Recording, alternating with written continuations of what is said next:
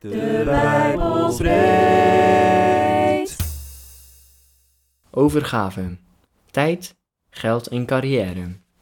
In de Hebreeënbrief lazen we over de noodzakelijkheid van een heilig leven en we hebben verscheidene onderwerpen al in een praktisch licht gezet.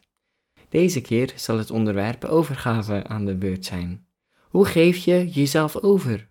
Welke dingen kan je van jezelf geven om je leven in te zetten voor het Koninkrijk van God? Om het iets specifieker te maken zullen we focussen op tijd, geld en carrière. Geld. In de Bijbel staan 2350 versen over geld en bezittingen. 50% van de gelijkenissen van Jezus gaan erover, wat staat voor 15% van de lessen die Jezus ons leert. Dit geeft wel aan dat het belangrijk is om als christen hierover na te denken. Een bekend concept voor velen van ons is de tiende, die voor de kerk is. Vele kerken adviseren dit, maar dat hebben ze niet zelf bedacht. De tiende is een concept uit het Oude Testament, genoemd in onder andere nummerie 18 vers 26. U moet ook tot de Levieten spreken en tegen hen zeggen, wanneer u van de Israëlieten de tiende ontvangt, die ik u gegeven heb als uw erfelijk bezit onder hen, dan moet u daarvan voor de Heere een hefoffer brengen, de tienden van die tienden. Het was verplicht voor alle Israëlieten om 10% van alles wat ze verdienden of verbouwden aan de tabernakel en later de tempel te geven. Dit was mede omdat de priesters, de levieten, zelf geen inkomsten hadden en van deze tienden levenden. Ondanks dat de kerk nergens in het Nieuwe Testament verplicht wordt om de, dezelfde regel aan te houden, wordt dit vaak aanbevolen. Paulus zegt: op elke eerste dag van de week moet ieder van u bij zich iets opzij leggen om op te sparen wat in zijn vermogen is. 1 Korinthe 16 vers 2a.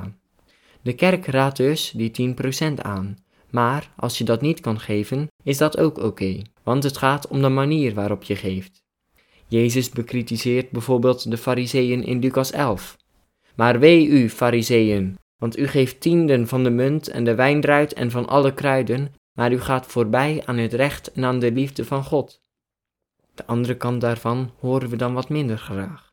Als je meer vermogen hebt en dus meer kan geven, moet je dat dus ook doen. Volgens studiekeuze 1, 2, 3 is de mediaan van het bruto startsalaris van bijvoorbeeld een afgestudeerde werktuigbouwer of BMT'er 3050 euro. Dit startsalaris is 200% van het gemiddelde wereldwijde salaris en staat gelijk aan hetzelfde salaris als zes schoonmakers in Thailand of dertien leraressen in Ethiopië. En dan is het nog maar een startsalaris. Of het zal zijn als met de man die op reis ging, zijn dienaren bij zich riep en het geld dat hij bezat aan een beheer gaf. Aan de een gaf hij vijf talent, aan een ander twee en aan nog een ander één, ieder naar wat hij aankon. Toen vertrok hij. Meteen ging de man die vijf talent ontvangen had op weg om er handel mee te drijven, en zo verdiende hij er vijf talent bij. Op dezelfde wijze verdiende de man die er twee had gekregen er twee bij. Degene die één talent ontvangen had, besloot het geld van zijn heer te verstoppen, hij begroef het. Na lange tijd keerde de heer van de dienaren terug en vroeg hun hun rekenschap. Degene die vijf talent ontvangen had, kwam naar hem toe en overhandigde hem nog vijf talenten erbij, met de woorden: Heer, u hebt mij vijf talent in beheer gegeven, alstublieft, ik heb er nog vijf talent bij verdiend. Zijn heer zei tegen hem, voortreffelijk, je bent een goede en betrouwbare dienaar. Omdat je betrouwbaar bent gebleken in het beheer van een klein bedrag, zal ik je over veel meer aanstellen. Wees welkom bij het feestmaal van je heer. Ook degene die twee talent ontvangen had, kwam naar hem toe en zei, Heer, u hebt mij twee talent in beheer gegeven. Alsjeblieft, ik heb er twee talent bij verdiend. Zijn heer zei tegen hem, voortreffelijk, je bent een goede en betrouwbare dienaar omdat je betrouwbaar was in het beheer van een klein bedrag, zal ik je over veel meer aanstellen. Wees welkom bij het feestmaal van je Heer. Nu kwam ook degene die één talent ontvangen had naar hem toe. Hij zei: Heer, ik wist van u dat u streng bent, dat u maait waar u niet hebt gezaaid en oogst waar u niet hebt geplant. En uit angst besloot ik uw talent te begraven. Alsjeblieft, hier hebt u het terug. Zijn heer antwoordde hem: Je bent een slechte, laffe dienaar. Je wist dus dat ik maai waar ik niet heb gezaaid en oogst waar ik niet heb geplant? Had mijn geld dan bij de bank in bewaring gegeven. Dan zou ik bij terugkomst mijn kapitaal met rente hebben terugontvangen. Pak hem dat talent maar af en geef het aan degene die er tien heeft. Want wie heeft, zal nog meer krijgen, en wel in overvloed. Maar wie niets heeft, hem zal zelfs wat hij nog heeft worden ontnomen. En die nutteloze dienaar, gooi die eruit, in de uiterste duisternis, waar men jammert en knarst tand. In de gelijkenis zien we drie mensen, die allemaal veel was gegeven. Geleerden schatten dat een talent in de moderne valuta ongeveer een half miljoen euro was. Iedere knecht had dus de mogelijkheid om daar veel mee te doen. Van iedereen aan wie veel gegeven is, zal veel worden geëist. En hoe meer aan iemand is toevertrouwd, des te meer zal van hem worden gevraagd. Ook wij hebben veel gekregen en hebben nog meer in onze toekomst liggen. Wat doen wij daarmee? Stoppen we het in de grond of gebruiken we het ten goede? U was dood door de misstappen en zonden, waarmee u de weg ging van de God van deze wereld. De heerser over de machten in de lucht, de geest die nu werkzaam is in hen die God ongehoorzaam zijn. Net als zij, lieten ook wij allen ons eerst beheersen door onze wereldse begeerten. Wij volgden alle zelfzuchtige verlangens en gedachten die in ons opkwamen, en stonden van nature bloot aan Gods toorn, net als ieder ander. Maar omdat God zo barmhartig is, omdat de liefde die Hij voor ons heeft opgevat zo groot is, heeft Hij ons, die dood waren, door onze zonde, samen met Christus levend gemaakt. Ook u bent nu, door Zijn genade gered. Hij heeft ons samen met Hem uit de dood opgewekt en ons een plaats gegeven in de hemelsferen, in Christus Jezus. Zo zal Hij, in de eeuwen die komen, laten zien hoe overweldigend rijk Zijn genade is, hoe goed Hij voor ons is door Christus Jezus. Door Zijn genade bent u nu immers gered, dankzij uw geloof. Maar dat dankt u niet aan uzelf, het is een geschenk van God en geen gevolg van uw daden, dus niemand kan zich erop laten voorstaan. Want Hij heeft ons gemaakt tot wat wij nu zijn, in Christus Jezus, geschapen om de weg te gaan van de goede daden die God mogelijk heeft gemaakt. Tijd en carrière. Ook tijd en carrière zijn belangrijk wanneer je aan overgave denkt.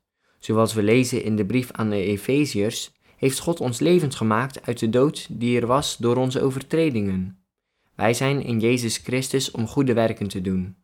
God heeft de mens gemaakt als kroon op de schepping om er goed voor te zorgen en om met Hem in relatie te staan. Dit gegeven zou onze focus moeten zijn als we nadenken over tijd en carrière. Vaak denken we na over de vraag: wat in mijn leven heeft nu werkelijk zin? Deze vraag die zorgt voor veel midlife crises en zoektochten naar zingeving en werd al gesteld door de oude prediker. En door alles op een rijtje te zetten, kom je tot de boodschap dat we alleen in God werkelijk ons doel vinden. Dat is ook een goede basis voor je tijdsindeling. Dat je je afvraagt of je het doet met de motivatie die Paulus beschrijft. Dus of je nu eet of drinkt of iets anders doet, doe alles ter ere van God. 1 Korinthe 10, vers 31. Concluderend kunnen we zeggen dat het belangrijk is om na te denken over wat je van God hebt gekregen. God is de schepper. Hij plaatste ons op een positie en gaf ons veel. Alles wat je hebt is op de een of andere manier terug te leiden op een gave van de schepper.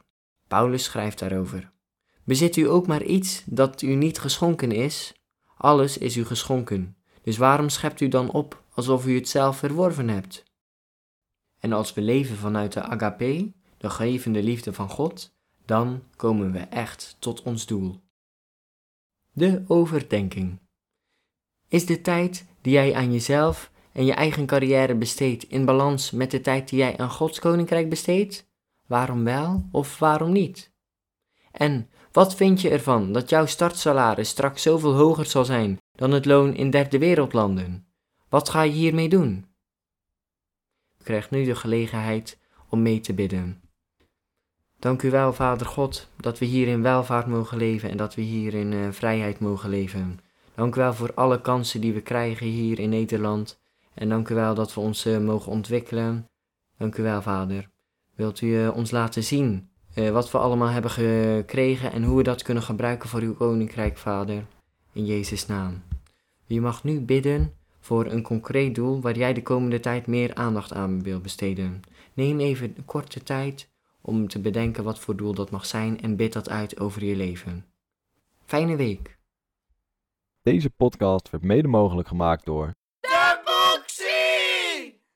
Mees, Maarten de Melkboer.